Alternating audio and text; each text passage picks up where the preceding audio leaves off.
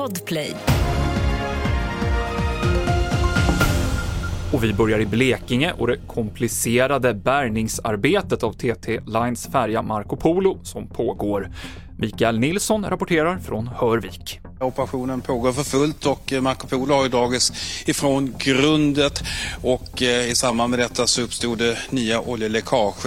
Länsar har nu lagts runt om fartyget för att på så sätt hindra oljan att nå upp land men Kustbevakningen hade räknat att det kunde ske oljeutsläpp i samband med att man drog loss henne från grundet och är ju i god beredskap och har flera miljöskepp i området för att så snart ta upp oljan. Och när då detta är gjort så kommer man också att tömma fartyget på bränsle och så småningom föra det till Stiderydshamnen i Karlshamn.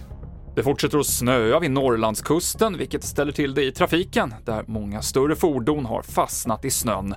På Trafikverkets hemsida kan man se att det är besvärligt väglag på E4, framför allt mellan Gnarp och Härnösand, vilket är en sträcka på knappt 10 mil.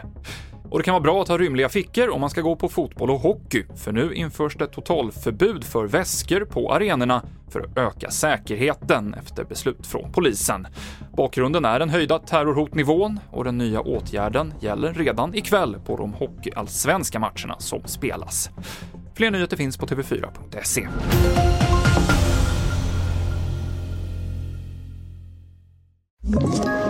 Ett poddtips från Podplay.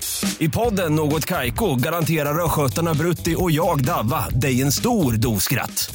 Där följer jag pladask för köttätandet igen. Man är lite som en jävla vampyr. Man har fått lite blodsmak och då måste man ha mer.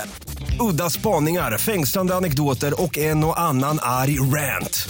Jag måste ha mitt kaffe på morgonen för annars är jag ingen trevlig människa. Då är du ingen trevlig människa, punkt. Något Kaiko, hör du på Podplay. Därför är gardinerna.